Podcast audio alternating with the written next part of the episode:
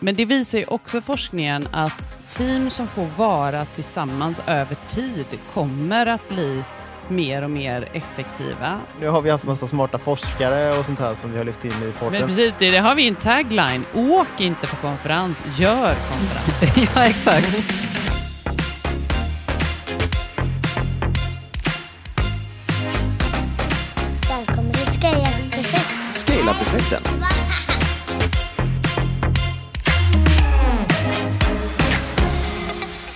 Och välkomna till Scale Up-effekten. Idag så ska vi prata team och eh, effektiva team och kanske dysfunktionella team och jag vet inte vad, men team står på temat. Jajamän. Och vi börjar kanske bli här ett, ett litet team, men vi har ju en, en fjärde teammedlem, Jane, våran AI-röst som jag, jag tänker hon, hon får bara kort recap vilka vi är. Name? Sarah Oman. Born in Stockholm.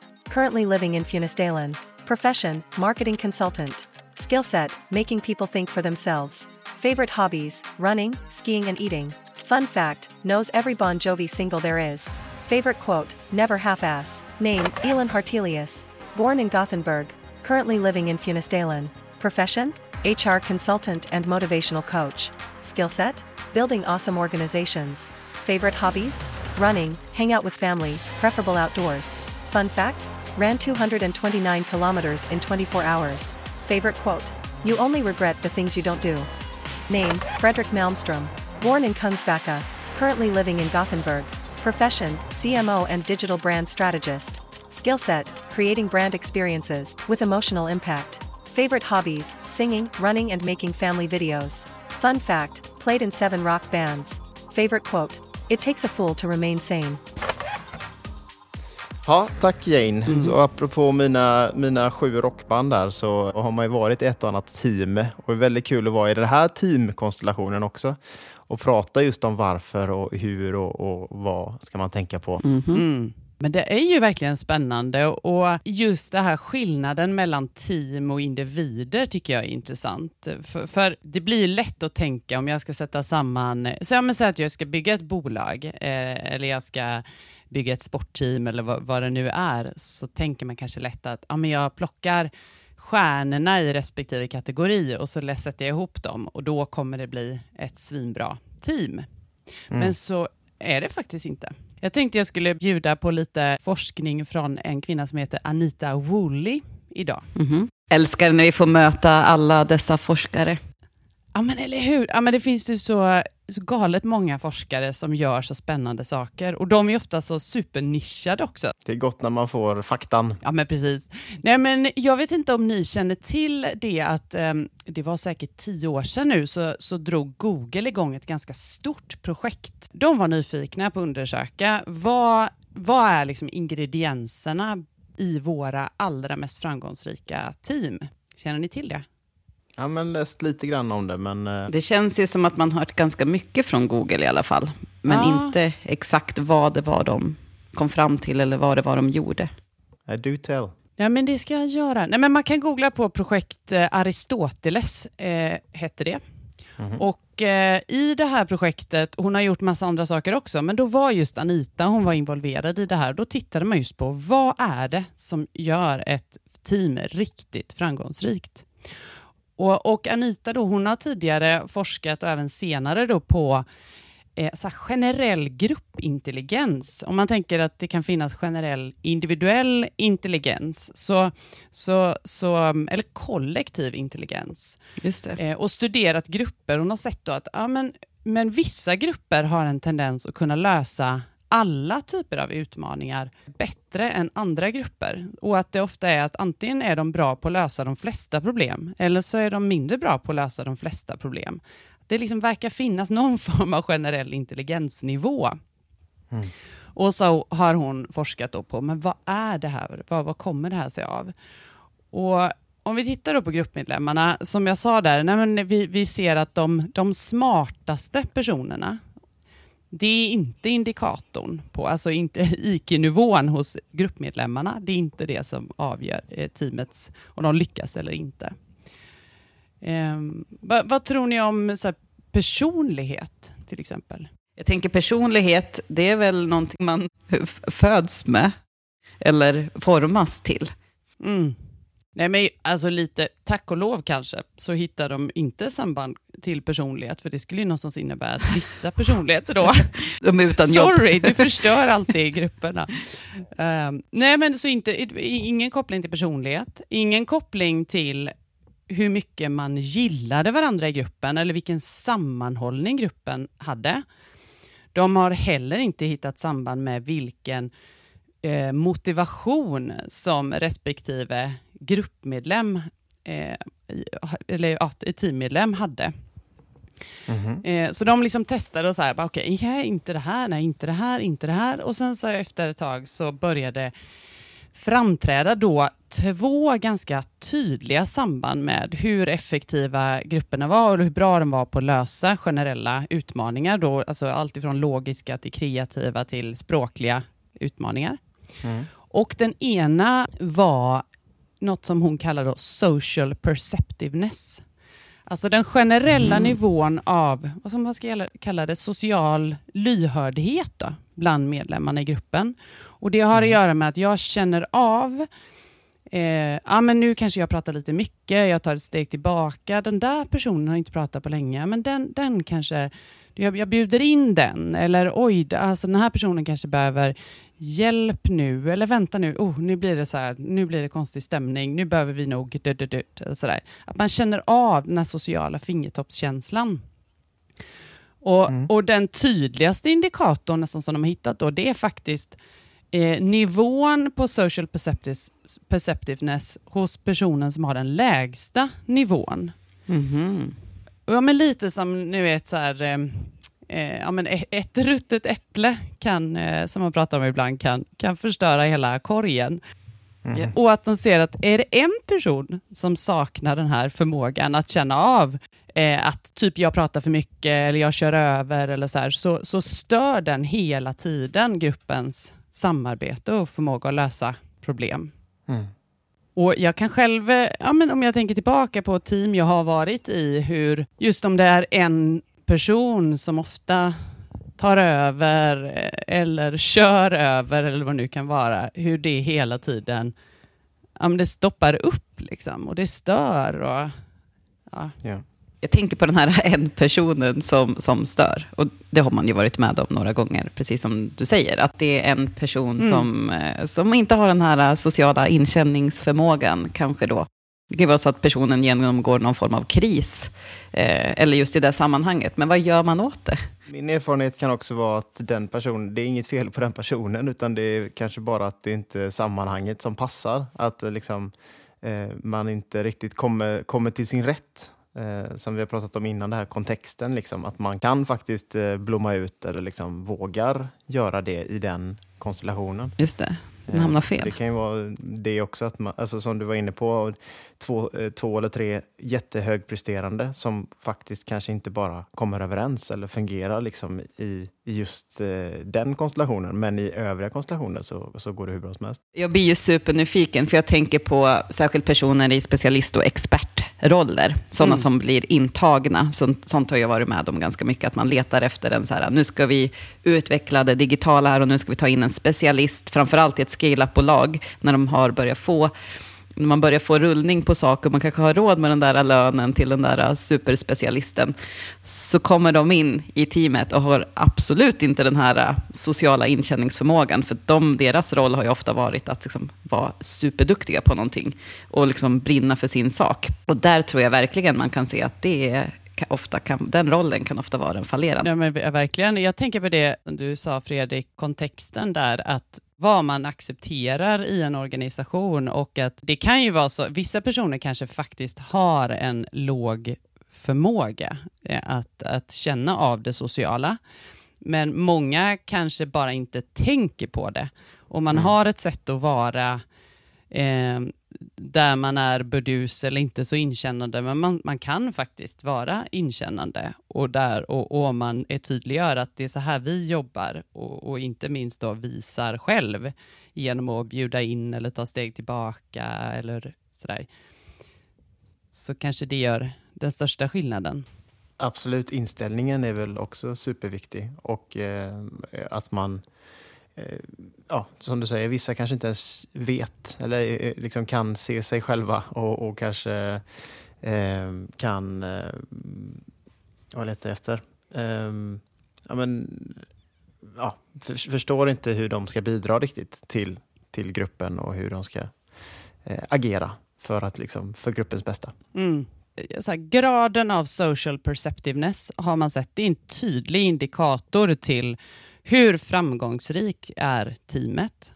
Och Den andra faktorn som också framgick väldigt tydligt och som de hänger ihop såklart, det är i vilken utsträckning eh, ordet och insatsen i teamet fördelas jämnt. Och där man ser då i, i team där någon eller några pratar väldigt mycket och, och, och några sitter tysta, så är de inte alls lika effektiva eller framgångsrika, de teamen. Och det är klart att det hänger ihop med den här social perceptiveness, att om jag känner av att jag pratar för mycket och jag bjuder in någon annan och så, så eh, men men den, den är ju faktiskt väldigt, väldigt konkret och där man, jag tänker att man kan också fundera över de team man ingår i idag, eller de team man driver. Hur ser det egentligen ut? Pratar alla ja, men, ungefär lika mycket? Och det är klart, det måste inte vara i varje möte.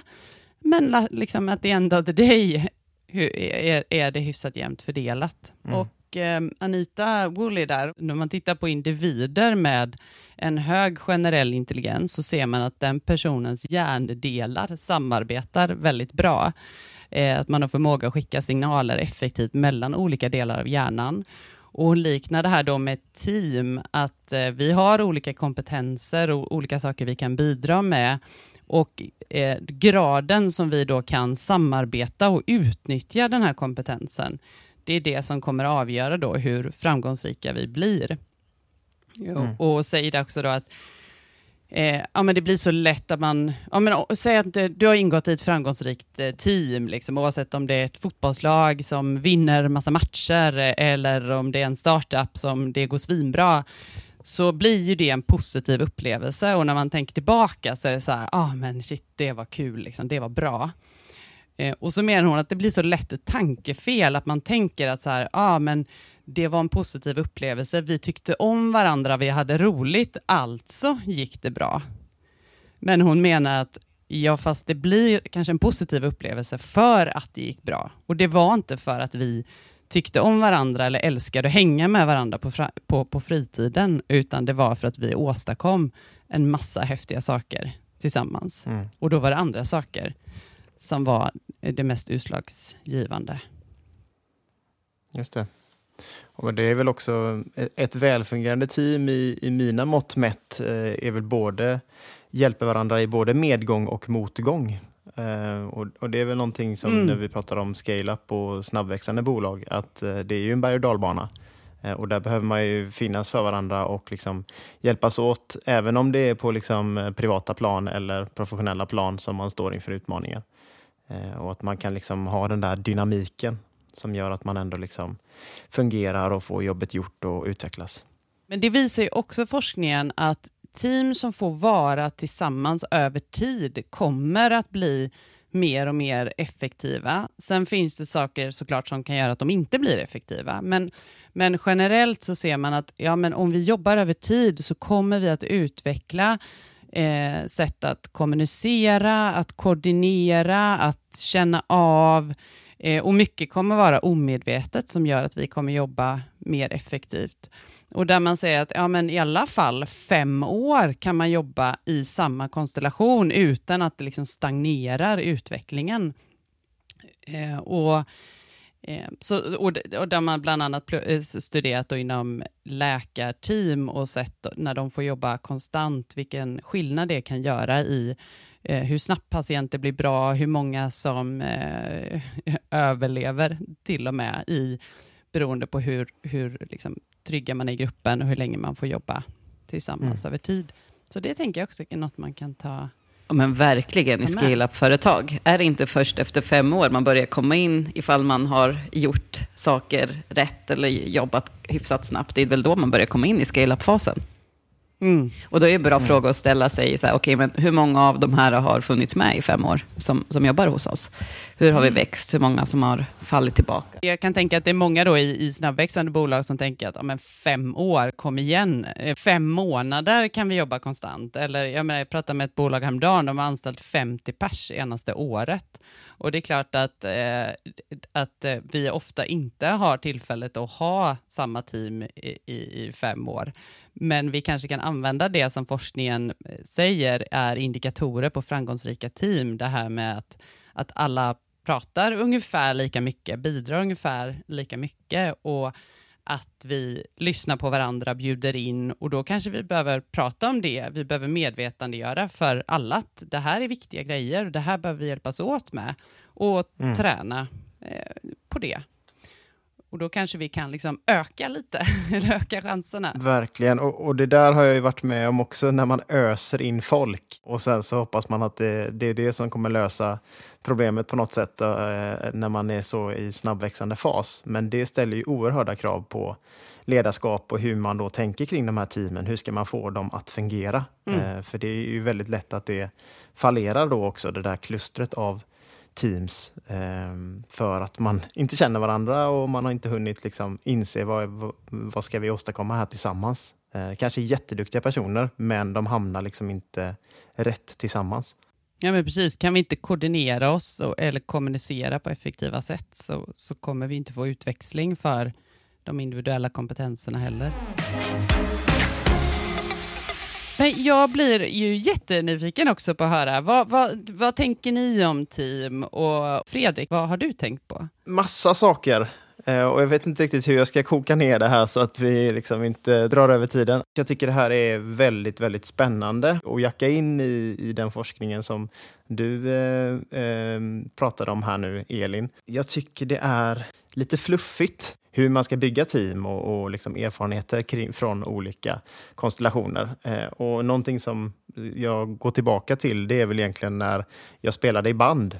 För det är ju liksom ett, eh, ett typ av team också, om, man ska, liksom, om, vi, om vi blickar utifrån näringslivet. Och där är det ju så extremt viktigt det där som du nämner, att om en person mår dåligt eller en person inte tycker och tänker som de andra så kan ju det sätta stora käppar i hjulet för framgången eller för kreativiteten eller liksom eh, att ens kunna spela tillsammans. Om trummisen inte kan skärpa till sig, ja men då blir det ingen musik. Så att då, där är man ju extremt beroende av varandra och sina instrument eller vad man ska säga. Och om vi byter ut då instrument till kompetens och till liksom, eh, de kvaliteter som man eh, tar med sig in i ett, ett team Ehm, så tyckte jag att det var lite spännande att, att prata om liksom, eh, ja, men de här högpresterande individerna och hur, eh, när det faktiskt inte funkar.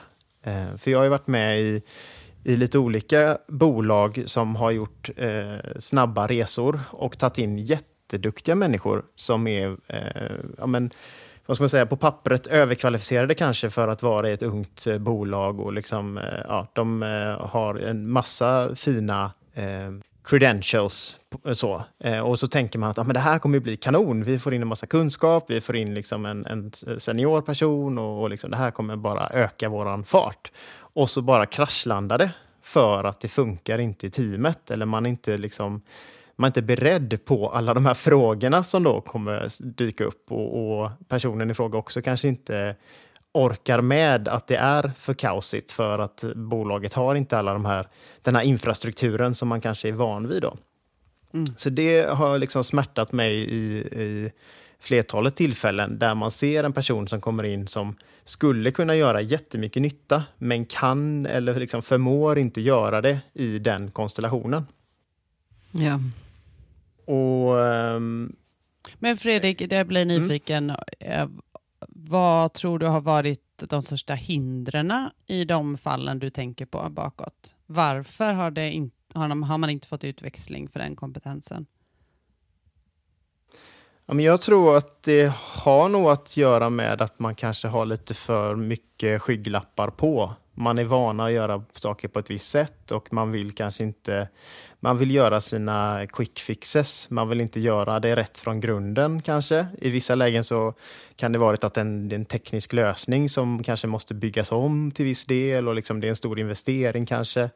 Eh, och i andra lägen så har det varit eh, på kreativt plan, att man kanske inte riktigt drar jämnt i, i liksom estetik eller hur man, hur man vill göra saker eh, tillsammans. Eh, och, det var lite där jag var inne på med det här personlighetsdragen.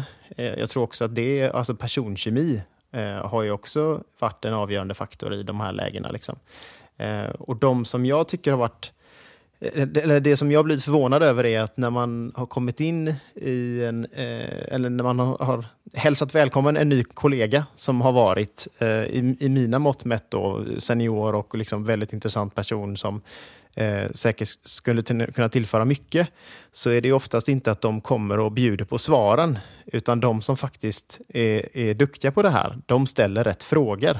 Eh, och de liksom navigerar sig oh, rätt i den här, den här teamet som faktiskt eh, redan finns där. För man kan heller inte gå in och bara köra över. För då, då blir liksom inte teamkänslan så himla god om det kommer in mm. någon med för mycket pekpinne. De har så alltså en där... hög social perceptiveness. Exakt. Precis, precis. Och, och, eh, Det där tycker jag är jättespännande och någonting som jag som jag fastnade för och, och, har väl också gjort lite research då. Eh, för att jag tänker att eh, man, man, vill liksom koppla det på något sätt till, till, eh, eh ja, men till vetenskap eller till liksom, eh, fakta. Och, och, då bara snöade jag in på eh, en svensk forskare som heter Filip Runsten. är det någon som ni känner till? Nej, jag, jag, jag ser en bok framför mig.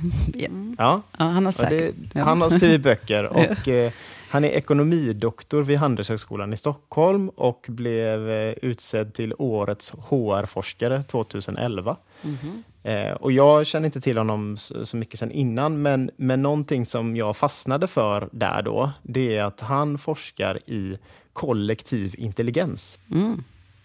Och det är väl lite liksom åt det hållet som, som Google var inne på, Elin, just mm. i liksom hur får man till den här liksom kollektiva eh, sprängkraften mm. som jag också verkligen har försökt jobba med i de teamen som, som jag har eh, lett. Ja, det har varit många utmaningar i liksom att få det att funka. Det, det som Filip Runsten säger då eh, är att det är ju liksom en skicklighet på något sätt att lyckas med det här samspelet och att det är liksom eh, en faktor för att eh, ett högpresterande team ska kunna prestera på den nivån. Eh, och då har han hittat fem stycken faktorer som är viktiga för detta. Yes. Det kommer ytterligare modeller här nu då, men ja, bear with me. Jag tänker det kan vara skönt att hänga upp det på någonting.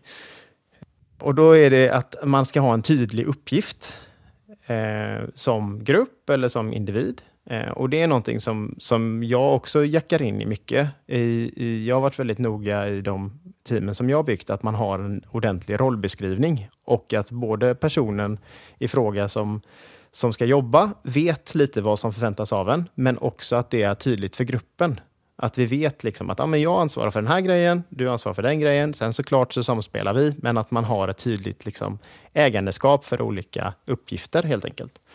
Eh, så det tror jag mycket på. Eh, sen så säger han en annan faktor är ett öppet, tryggt klimat. Och där kommer vi in lite på den här psykologiska tryggheten som, som du nämnde Elin. Eh, att man liksom vågar lita på varandra, att man vågar liksom säga om man mår dåligt eller man vågar liksom prata om saker eh, högt och lågt eh, och är liksom transparenta i sin, i sin kommunikation.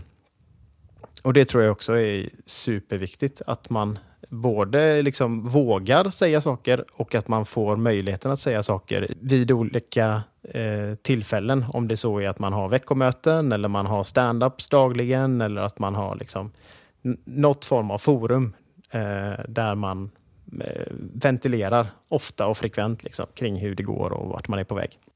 Mm. Jag bara inflika där apropå psykologisk trygghet, så mm. Amy Edmondson var det som myntade det begreppet och det är säkert många som, som känner till och gör ni inte det så är det ju verkligen något ni ska googla för det finns ju massa bra grejer. Mm. Och Anita där som vi pratar, hennes forskning och Amys forskning är är väldigt angränsande, men de har lite olika inriktningar. Där Unitas också mer är kopplat till gruppdynamiken och den här kollektiva intelligensen och Amys mer handlar om den här kulturen, den här tilliten, hur skapar vi förutsättningar för kollektivt lärande? Kanske då mer i Mhm. linje med, med runsten där. Jag kommer garanterat läsa mer om detta för att eh, det, det är ju extremt spännande. finns ju till och med liksom program och kurser som inom organisationspsykologi numera på olika handelshögskolor och sådär. Så att det är ju vedertaget att, att det här är extremt viktigt för organisationen att, att hålla koll på. Eh, och så nummer tre då är att eh, man är i ständig utveckling. Eh, och det tror jag också är liksom för då högpresterande människor så tror jag att man vill framåt. Man vill liksom bli bättre, man vill skapa saker, man vill liksom se att det, att det blir eh, fina resultat. Eh, och det är också viktigt att man har med sig och liksom sätter en målbild som man liksom både kan uppnå men som man sen också liksom förfinar längs med vägens gång. Eh, och en fjärde eh, faktor är hävstångsförmåga. Eh, och det där tror jag också är väldigt fint i att eh, ja, men de här kompetenserna som man besitter, att man liksom... Eh, jag hade en kollega som gärna brukar säga “let me build on your idea”. Att man liksom hela tiden bygger eh, liksom, trappstegen uppåt tillsammans. Man sitter, in, man sitter på liksom delar av eh, liksom resultatet eller delar av prestationen och då behöver man liksom pussla ihop varandra för att faktiskt eh, kunna åstadkomma stordåd tillsammans. Mm. Och sen nummer fem då, teamfokus. Eh, Och det antar jag han, handlar mycket om att man är hängiven till teamets framgång och inte bara sätter sin egen framgång först eller att man verkligen är fokuserad när man jobbar tillsammans med teamet. Eh, Och där har jag också varit med liksom där Ja, men om man går in halvhjärtat i någonting så, så märks ju det ganska snabbt. Och lite som vi var inne på den här personen då som kanske inte Eh, vill bidra eller som liksom sitter i hörnet lite tyst. Eh, då blir det lite svårt för att det påverkar ju teamets eh, resultatförmåga och fokus om inte alla är liksom närvarande och deltar. Liksom. Så de, det tyckte jag var väldigt bra, bra punkter. Och den här, de har också satt ihop en modell då kring det här kollektiv intelligens och det finns i boken då som heter Kunskapsintegration om kollektiv intelligens i organisationer. Den eh, har jag inte läst än, men, men jag ska absolut sätta tänderna i det för att eh, det är kul när någon sätter ord på det där. Vi pratade innan här om att vi skulle prata om teambuilding och det låter ju väldigt lökigt liksom. Det är ju inte eh, jag tror att det inte är alla som, som slår klackarna i taket när de hör ordet teambuilding för att det kanske är lite uttjatat och man tänker att ja, men det, det är att man ska gå ut och dricka bärs och bovla. Liksom. Eh, men det är ju så mycket mer än så. Eh, och det tycker jag är kul när vi pratar om det här att, att just de här eh, ja, men faktorerna som spelar roll varje dag som man behöver jobba med i sin organisation, eller vara medveten om i alla fall. Verkligen. Nej, men jag eh, reflekterar över alla de där punkterna och funderar på hur man får till dem och hur många organisationer som lyckas med det. Och att man kanske, ibland kanske man lyckas med två punkter, ibland kanske tre punkter. Jag tänker att det är kanske inte alltid man har alla på samma gång. Nej, nej. Och framförallt inte i scale-up-bolag. Ibland så, jag tänker just på den här att man alltid ska jobba framåt. Och ibland så är det ju så i organisationen att det blir väldigt mycket maintenance när man, när man är inne i någon omställningsfas. Eh, såklart är det kanske att man jobbar framåt, men det kanske inte alltid är just där i det, det dagliga. Det var, det var den punkten som jag kanske fastnade mest på, att ja, hur får man till den för många? Eh, men sen kan det vara så hos gruppen som helhet, att, att man får till någonting. Men som ni säger, det är ju verkligen det här dagliga som, som spelar störst roll. Ja, visst. Och där har vi inte, nu är vi väldigt så prestationsorienterade, eller jag har varit i alla fall när jag pratar, men det finns ju också de som tillför så himla mycket trivsel och liksom eh, ser till att, att folk mår bra, eh, som brukar kallas för kulturbärare eller liksom medarbetare som, som har den där förmågan att faktiskt eh, piffa till det lite extra eller eh, bjuda in till den här AWn eller liksom eh, göra något fint för någon som fyller år eller sådär. Och det där är ju extremt viktigt också i ett team, att man liksom eh, peppar varann och att man ser varann och liksom allt det där, de mjuka delarna som kanske inte bara rör att liksom man ska nå det där, den här målbilden utan att man faktiskt har kul på vägen. Mm. Precis. Eh, och det är någonting också som jag har erfarenhet av i, i att liksom det är svårt att sätta ett värde på det kanske. Eh, eller liksom känna att man ska investera i, i de små sakerna. Men det gör ju väldigt stor skillnad också i en, en grupps, liksom, eh, ja, den psykologiska tryggheten eller i, i hur man Någonting på som scale-up-företag ofta löser med att de anställer en office manager eller en heart manager. Eh, Sånt där. Känns det som en, en trend som har gått? Ja, men absolut. Och, och jag vet, jag och Elin har pratat lite om det där, om det, om det är lösningen på allt. Men, Ja. men, eh, men det, eh, det är absolut en, en del i det. Att man behöver ha någon eller några som liksom kanske har ansvaret, men också se dem som bidrar till att det blir en, en, härlig stämning på jobbet. Liksom. Eh, för det är ju extremt viktigt också för att lyckas.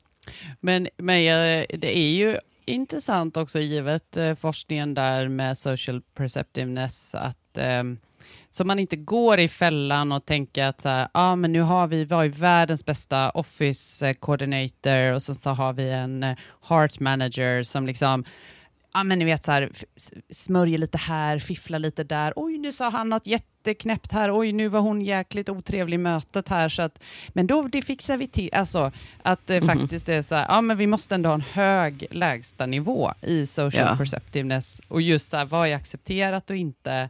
Och, så, och då kan vi ha personer som sen gör extra då. Men att, för det upplever jag ändå fakt- i, i, i, att det är ganska vanligt att man faktiskt accepterar en väldigt låg lägstanivå. Jag vet inte om ni delar den, den erfarenheten, men Ja. i snabbväxande bolag där man har fullt fokus på uppgiften så blir det lätt att tappa bort sig där. Ja. Ja, absolut. Och att det snarare är allas eh, ansvar att ta vara den här Ja, delen. Och tyvärr blir ju allas ansvar inget, ingens ansvar ibland också, det här kollektiva. Liksom. Eh, det, det, det är sällan som, som det kanske fungerar. Men, men jag brukar kalla det för hygienfaktorer. Liksom. Att, att eh, vissa saker måste finnas på plats för att man ska funka. Man kanske behöver ha, liksom, ja, behöver inte gå in i, i alla detaljer, men i en arbetsmiljö som fungerar. Men också liksom en, en social eh, en organisation som har lite sådana andningshål eller hållpunkter. Som att man liksom har ett veckomöte eller man har en, eh, ja, eh, de här olika eh, Eh, vad ska man säga, högtider som, som man sätter då eh, och som faktiskt eh, blir av eh, så att man kan fira sina framgångar och kan träffas liksom både i en social kontext utanför jobbet eh, men också att man kan fira framgångar liksom genom en eh, fredagsfika eller vad det nu än är. Och, och om inte ledarna eller liksom någon har det ansvaret så, så kommer det ju inte bli av.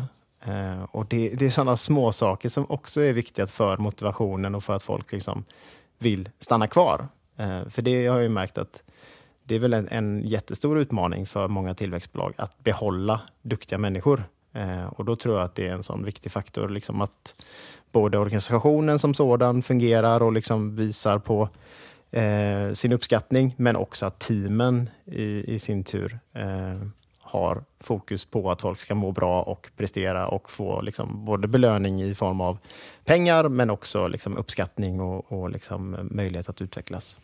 Ja. Jag minns det här som eh, från organisationsteorin, man sa ritualer och artefakter. Ritualer och Mm. artefakter. Kom på tentan. När vi skulle prata om det här avsnittet och ni sa att vi ska prata om teambilden så tänkte jag, åh nej, jag har ju nästan aldrig varit i ett team och jag kanske har lite utav en teamfobi, så här grupp, gruppsammanhörighetsfobi. Jag vet, jag tycker om att vara mellan alla grupper. Men det gör ju kanske också att jag har lite erfarenhet av att så här, få liksom titta, kika in i grupper lite här och där. Och det har jag varit verkligen, när ni har berättat nu om både forskningen och metoderna och modellerna och, och era erfarenheter så tänker jag att ja, men det, här, det här finns det ju några exempel på. Jag tänker, Mm. apropå det du pratade om, Fredrik, också du Elin, att man, så här, den här kollektiva intelligensen i ett företag och alltså hur man höjer hela, eh, hur man höjer gruppen, att det är snarare gruppens intelligens som är viktigare. Så tänker man att på att eh, inom scale-up-bolag så pratar man ju ofta om det här med att T-shaped individuals är ganska viktigt. Där man menar med att man, man, är viktigt att ha en bredd i kompetensen och snarare kanske ha vissa specialistområden. Så man tänker att en, just en del är ganska, ett kompetensområde är ganska högt. Men också att det ska vara, liksom, man, ska kunna lite om allting egentligen. För det där, som jag sa tidigare, har jag ofta haft mycket erfarenhet av eftersom jag rör mig bland andra specialister och kanske har varit den här specialisten som har kommit in ibland och så bara, vi ska göra allting det här, jag ser de här lösningarna och eh, så bara kör man rakt in i väggen av att, eh, oj, eh, här gör vi inte på det här sättet. Och det där tror jag verkligen man lär sig med tiden. Om man, är den typ, om man har den typ av så här specialistroll, att okej, men vad jag har att komma med, det är inte lika viktigt som vad man har att kanske då både lära andra egentligen också. Jag minns, alltså, när det kommer till teambuilding, och också tänker man ju på de här aktiviteterna som man gör. Och just då ett ställe som jag var på, en startup som hade liksom fått sin första tid här. Eh, man hade så här schemalagd after work, men i övrigt på den, i den här organisationen så pratade man inte, man åt inte lunch med varandra, man jobbade typ inte ihop heller, för att det var så uppstrukturerat att alla löste sin egna uppgift. Sen så bytte man statistik och sådär med, med varandra eh, ändå. Eh, Men det var liksom ingen sammanhållning. Men där var det ju så att de bara tog in specialister, alltså bara, eh, på sina roller. Eh, så det var, ja, jag ser verkligen den där utmaningen i att, så här, okej, men vilken typ av kompetens är vi egentligen ute efter i en organisation? Ja, det hänger ihop så himla tajt också det här med företagskultur och liksom, eh, kompetensutveckling och, och liksom, hur, hur man tar sig an saker. Eh, Ja. och det är en konstform att, att få det här att lira. Eh, Och många tror nog bara att ja, men det är bara att slänga in ett gäng duktiga människor i ett rum och så blir det stordåd. Men eh, det är ganska så mycket mer komplexare än så. Jag tänker också på en podd jag lyssnade på, en intervju med Stadiums marknadschef, Tony Hammarlund, eh, intervjuade. Pratade de jättemycket om just hur man bygger ett marknadsteam, ett effektivt marknadsteam. Och han sa, vi anställer inte någon som är på en högre kompetensnivå än oss. Det var, det var lite luddigt, så här, men sammanfattningsvis att vi försöker alltid hitta personer som är på samma nivå som oss. Så att jag, absolut att vi behöver kom, liksom, eh, utvecklas och få ny kompetens. Men just det här med att man ser att man är någorlunda eh, gör det liknande, eh, gör att man kan bli mycket, mycket mer effektiv. Så. Jag vet inte, Elin sitter här och har en reflektion. Nej, men det är ju jätte, jättespännande, för det blir på något vis så här, ser vi kollektivet eller teamet som en enhet, eller ser vi individerna som enheter? Och det är klart att vi ser vi att vi som team behöver lära oss massa nya saker, behöver vara i utveckling, eh, eller ser vi att vi behöver få in den kompetensen i en individ? Det blir kanske helt olika lösningar där. Ja, men precis, och i scale-up-företag så vill man väl att man ska kunna lite, alltså bidra med ganska mycket. Och det vet jag att är man expert på någonting, ja, då kanske man har det som sitt huvudområde, men det finns många andra ställen man får rycka in på också. Men jag har också varit med om det att, att tar man in personer som, ja, men som jag var inne på där, lite som är eh, mer, ganska mycket mer seniora eller långt gångna i sina karriärer, eh, så sätter det också en, kanske en stämning i att ja, men då lyssnar man till den personen väldigt mycket och man kanske liksom inte Ja, man, gör, man väljer inte de lösningar som kanske är bäst för just det, här gänget eller det här bolaget, utan man går på, på deras vitsord. Eh, och det blir också kanske, det kan bli lite sned eh, i hierarkin eller i beslutsfattningen för att man litar så mycket på att någon har väldigt mycket mer erfarenhet eller sådär. Ja, men precis. Och jag tror att det krävs ganska mycket både, från båda delarna i så fall. Att den specialisten eller senioren ska ha förmågan, vilket man tycker att man borde ha ifall man har, är en senior person, så borde man ha förmågan att ta in och så vidare. Men det är ju det där, eh, lyssna och våga i båda Ja. sammanhangen. Och förändringsbenägenheten som vi varit inne på också. Just att man liksom orkar eh, tänka annorlunda eller tänka om eller sådär. Även om man är van att göra sak, eh, göra på ett visst sätt i flera år och så kommer man in där det inte det riktigt funkar utan man behöver tänka på ett annat sätt eller liksom förhålla sig till de medarbetarna som man har nu. Liksom. Ja jag tänker på också på att det är ganska lätt att när vi pratar om det här så tänker man på alla situationer där det inte funkat så bra. Jag tänker också på så här, men vilket är mitt bästa exempel där jag sett att teambuildingen verkligen, så här, teambuilding, det är väl också ett konstigt begrepp. Det är så här, man, får, man får pröva på att jobba med någonting ihop. Och jag har faktiskt ganska nyligen stött på ett företag som jag har börjat jobba med. Det här är långt ifrån en scale-up, de har funnits jättelänge. Jag tror att de, jag vet inte hur gammal, hur länge det här företaget har funnits, typ 30 år eller någonting. Så att jag tror inte de skulle kalla sig en, för en scale-up. Jag tror också att det startat av ett stort statligt bolag i grunden. Men det är i alla fall en byrå, eh, en norsk byrå som jag stötte på, för jag var på deras konferens. Jag hade aldrig varit på den här konferensen eh, tidigare. Och på den här konferensen så jobbade det ju bara personer från den här byrån också. De är inte jättestora, de är runt 30 pers också för den delen. Och alla som jag träffade på hade jobbat där väldigt länge. Alltså även unga personer som gamla personer. De hade jobbat, en, den personen som var nyast på företaget som jag träffade på hade kanske jobbat där i sju år. Många hade Oj. jobbat där liksom sen, nästan sen starten eller någonting så här. Eh, och då undrar man ju, vad är framgångsexemplet här? Apropå då att Elin sa att ja, men efter fem år, då, då börjar det, vad heter det, då, då börjar man faktiskt kunna bli mer effektiv, eller vad var det du sa? Det kan, man kan jobba på så länge i alla fall. Ja, alltså egentligen att, att vi kan absolut jobba i, i fem år utan att börja stagnera. Sen kan man säkert jobba jättemycket längre utan stagnation också, men att eh, det är inte så att vi måste ha nya influenser hela tiden för att lyckas. Nej. Men då i alla fall, den här berättade de att den här konferensen som jag var på, det var deras teambuilding-aktivitet.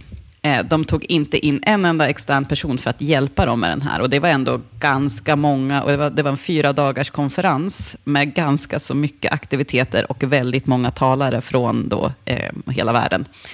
Och de sa, men det här är vad vi gör, det här är vår teambuilding-aktivitet. Alla jobbar för den här konferensen och alla har liksom en vikt och del till att jobba med den här konferensen. Så att det är, vår teambuilding-aktivitet är den här produktionen.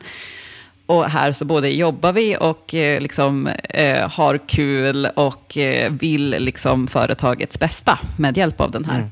Så bland annat åkte jag, eh, jag åkte bil med ekonomichefen. Hon var taxi eh, åt liksom, folk. Så, och var så här, oh, jag tycker att det här är så kul när jag äntligen får vara med och lyssna på vad alla andra gör för någonting.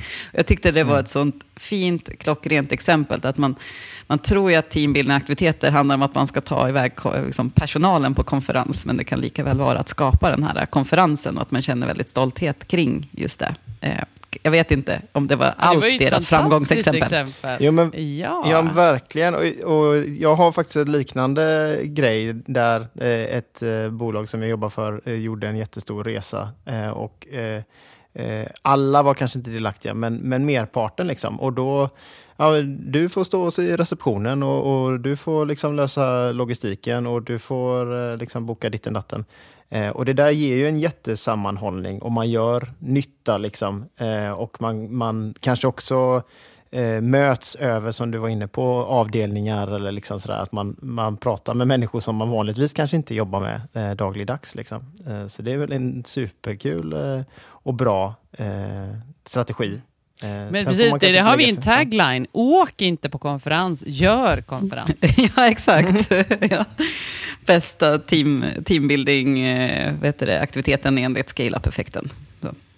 Ja, men verkligen. Och, och det gör ju eh, i, eh, och jag vet inte om det var så i ditt fall, men i, i, det, i det fallet jag var med i så var, handlade det om att man också träffade väldigt mycket kunder. Och då blev det också liksom väldigt mer, ja, man bygger relationer med liksom, eh, Eh, det sammanhanget man är i. Eh, och det, man får ett ansikte på dem man kanske vanligtvis... Eh, vi hade kunder över hela Sverige som man inte träffade så ofta. Liksom. Men då hade man möjligheten också att liksom, ja, bli tjenis med, med eh, även kunder och leverantörer och andra. Liksom. Så att det, det verkligen byggde ju det här sammanhanget och sammanhållningen eh, utöver liksom bara sin, sitt eget team.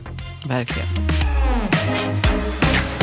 Men eh, nu har vi varit och touchat på en hel del eh, i floran av att eh, bygga team. Då. Ska vi försöka koka ner det här på något sätt så att man kan få med sig lite en liten lathund. Men jag kan börja, ja. för jag har, har nog ett par saker som jag tänker på. Det ena är ju att det här att samarbeta, det är, det är en färdighet. Det, det är det är någonting som vi behöver träna på och jobba medvetet med. Som du sa Fredrik, vi kan inte bara sätta människor eh, runt ett bord och bara kör. Eller ja, det kan vi, men om vi vill ha maximal utväxling så behöver vi faktiskt bygga och träna på den kompetensen på olika sätt.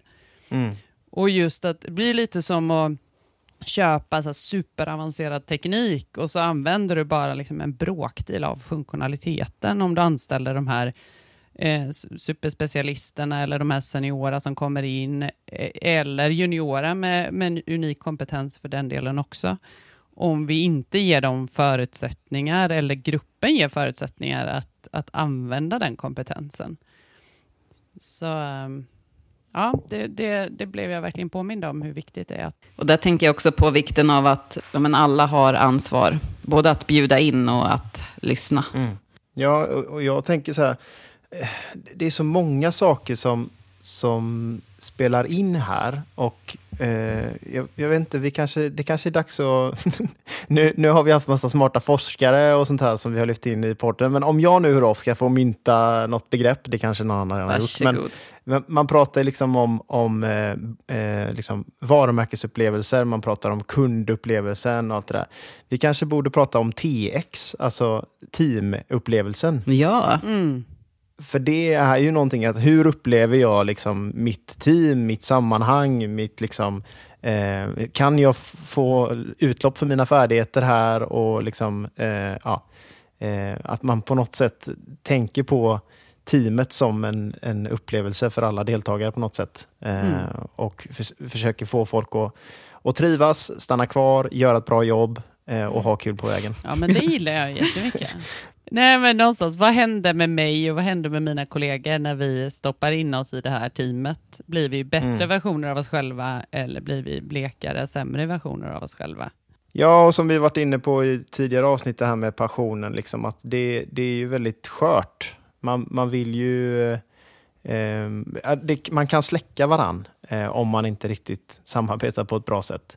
Eh, och eh, det vill ju, vill ju till att man bygger en kultur som gör att man bygger varandra istället och liksom utvecklas med varandra. Eh, det, det, tror jag är liksom...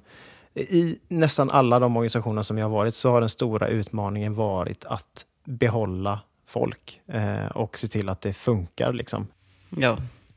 Så försöker man fylla på med folk och så gör man det kanske lite för snabbt och så uh, får, sätter sig inte teamet och då trivs man inte och så lämnar man och så blir det liksom den här onda spiralen i att man, man uh, nöter ut organisationen på något sätt. Liksom. Uh, mm. Även om det kanske är också en, en Eh, en faktor som spelar in eh, var på något sammanhang med dina kollegor Elin, eh, där man pratar just om att culture breaks liksom, och det finns generationer av ett bolag. Liksom. Så det får man väl också ha med sig. Men jag tror att framgången ligger i att behålla medarbetare så, så länge som möjligt. Just för att det tar tid att, att bygga ja. någonting framgångsrikt. Vilken punkt! Ja, men, är vi nöjda där? Ja. Jag tänker på så här, relationer är svåra och jobbrelationer också. Ja men verkligen. Och vi eh, kommer säkert komma tillbaka till just teambyggandet. Men vi kanske stannar där för idag då. Mm. Ja. ja. Och om du som lyssnar nu har några tankar eller reflektioner eller erfarenheter som du vill dela med dig av så gör gärna det till hej scaleupeffekten.se och på scaleupeffekten.se så kan du också se eh, alla avsnitt som finns och eh, våra övriga kontaktuppgifter på LinkedIn och, och, andra sociala medier. Tack för idag! Ja, men tack själva hörni. Tack och hej!